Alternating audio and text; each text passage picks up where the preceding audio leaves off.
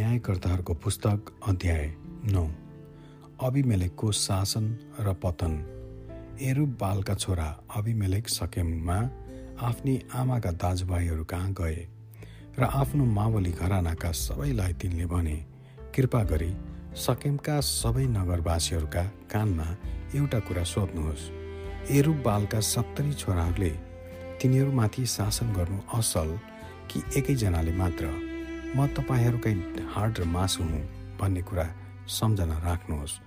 जब तिनका मामाहरूले तिनको पक्षमा सकेमवासीहरूलाई यी सबै कुरा बताए तब तिनीहरू अभिमेलेकपट्टि लाग्नलाई सुरिए किनभने तिनी हाम्रा आफ्नै भाइ हुन् भनी तिनीहरूले भने।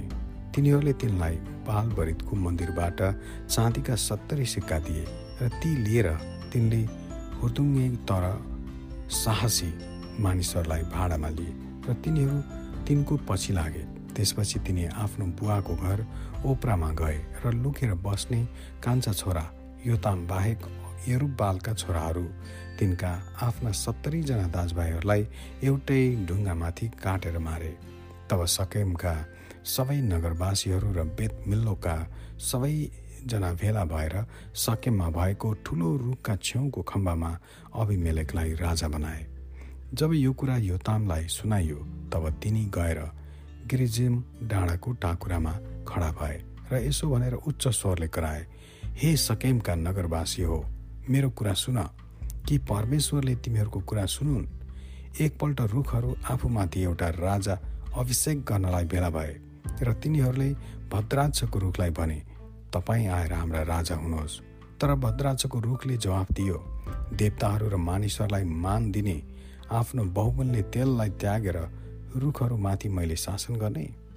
तब रुखहरूले नेभाराको रुखलाई भने तपाईँ आएर हाम्रा राजा हुनुहोस्। तर नेभाराको रुखले भन्यो आफ्नो असल र मिठो फललाई त्यागेर रुखहरूमाथि मैले शासन गर्ने। तब रुखहरूले अङ्गुरको बोटलाई भने तपाईँ आएर हाम्रा राजा हुनुहोस्। अङ्गुरको बोटले जवाफ दियो देवता र मानिसलाई खुसी तुल्याउने मेरो दागमध्येलाई त्यागेर रुखमाथि मैले शासन गर्ने।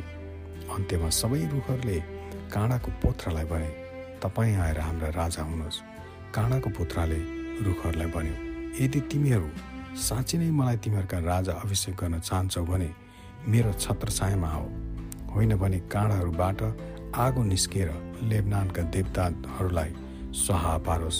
त्यसपछि होतामले भने यसकारण अब हेर यदि अभिमेलेकलाई राजा तुल्याएर तिमीहरूले सत्य र इमान्दार कायम गरेका छौ भने र तिमीहरूले एरुबालला तिनका घरानासँग उचित काम गरेका छौ र तिनीप्रति हुनुपर्ने व्यवहार गरेका छौ भनेदेखि मेरा पिताले तिमीहरूको निम्ति लडाइँ गरे र आफ्नो प्राण खतरामा हालेर तिमीहरूलाई मिद्यानीहरूका हातबाट बचाए तर आज तिमीहरू मेरा पिताका घरानाको विरुद्धमा खडा भएका छौ र तिनका सत्तरीजना छोरलाई एउटै ढुङ्गामाथि काटेर मारेका छौ। र तिनकी कमारीको छोरो अभिमेलेकलाई तिमीहरूको आफ्नो भाइको नाताले सकेमका नगरवासीहरूको राजा तुल्याएका छौ। यदि तिमीहरूले आज एरुबाल र तिनका घरानासँग सत्य र इमान्दार व्यवहार गरेका छौ भने तिमीहरू अभिमेलेकसँग खुसी हो र त्यो तिमीहरूसँग खुसी होस्। यदि होइन भने अभिमेलेकबाट अग्नि निस्कोस् र सकेमका नगरवासीहरू र सबै बेतमिल्लोलाई भस्म पारोस्। सकेमका नगरवासीहरू र बेतमिल्लोका सबैबाट पनि अग्नि निस्केर अभिमेलकलाई भस्म पारोस्। त्यसपछि योताम सुटुप्प भागे। तिनी बेयर भन्ने ठाउँमा पुगे र त्यही नै बसोबास गर्न लागे। किनकि तिनी आफ्ना दाजु अभिमेलेकसँग डराउँथे।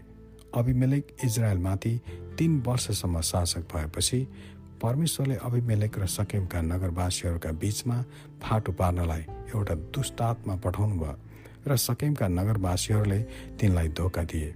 एरुबालका सत्तरीजना छोराहरूलाई अत्याचार सहितसित मारेको अपराधको बदला तिनीहरूले हत्या गर्ने आफ्ना भाइ अभिमेलकसित र तिनलाई सुर्याउने सकेमका नगरवासीहरूसित लियोस् भन्ने अभिप्रायले यो परमेश्वरले गर्नुभएको थियो। तिनको विरुद्धमा सकेमवासीहरूले डाँडाका टुप्पातिर आफ्नो हिँड्ने प्रत्येकलाई ढुक्न र डाका मार्न मानिसहरूलाई राखे।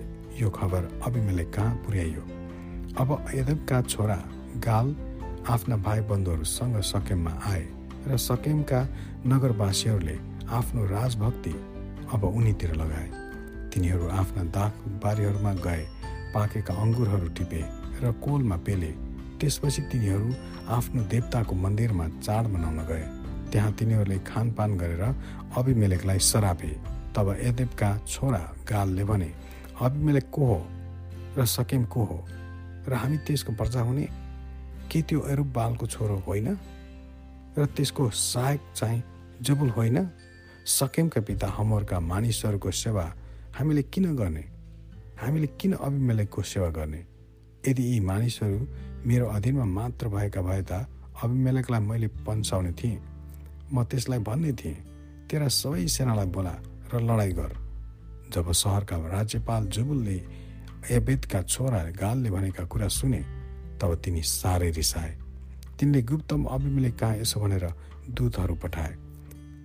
एबेदको छोरो गाल र त्यसका भाइ बन्धुहरू सकेममा आएर सहरका मानिसहरूलाई तपाईँको विरुद्धमा सुर्याउँदैछन्।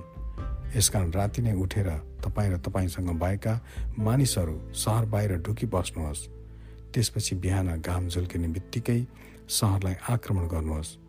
र जब त्यो र त्यसका मानिसहरू बाहिर आउँछन् तब के गर्नुपर्छ? सो गर्नुहोस्। यसैले अभिमेलेक र तिनका मानिसहरू राति नै उठे र चार दल भएर सकेमा आक्रमण गर्नलाई ढुकी बसे। अब एवेदका छोरा गाल बाहिर गएर सहरको मूल ढोकाको पस्ने ठाउँमा उभिरहेका थिए। जतिखेर अभिमेलेक र तिनका मानिसहरू आफूतिर लुकेर ठाउँबाट बाहिर आए।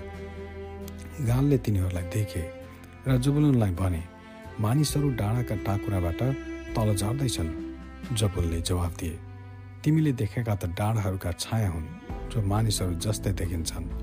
तर फेरि गालले भने डाँडाहरूका बिचको जग्गाबाट मानिसहरू तल झरिरहेका छन् र एक दल चाहिँ जोखना हेरेको रुखबाट भएर आइरहेको छ। तब जबुलले उनलाई भने अब खोइ तिम्रा साहसी कुराहरू।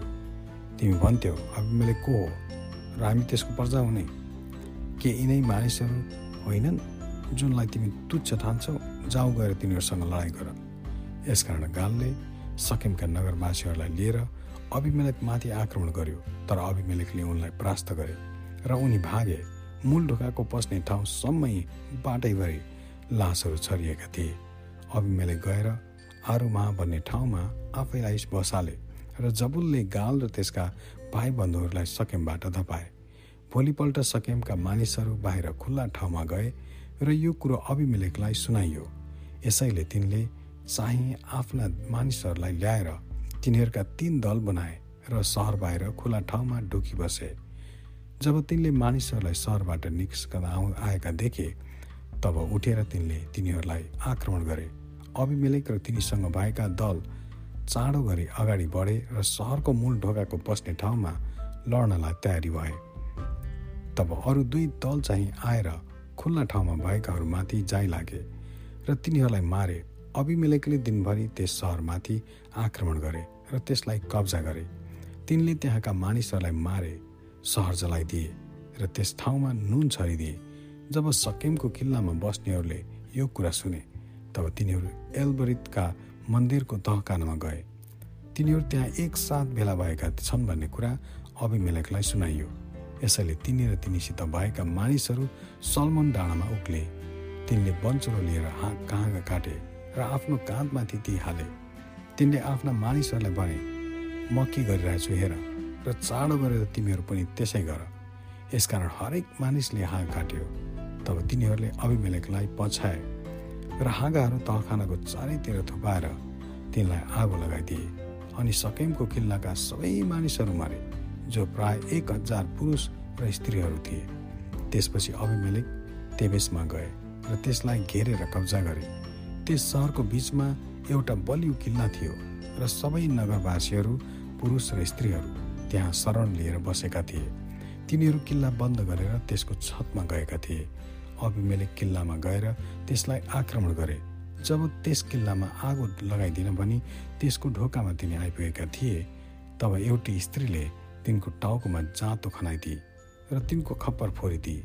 अभिमेलेकले तुरुन्तै आफ्नो हतियार बोक्ने जवानलाई बोलाएर भने झट्टै आफ्नो तरवार थुतेर मलाई खत्तम गर नत्र त एउटी स्त्रीले तिनलाई मारी भने मानिसहरूले भन्लान्।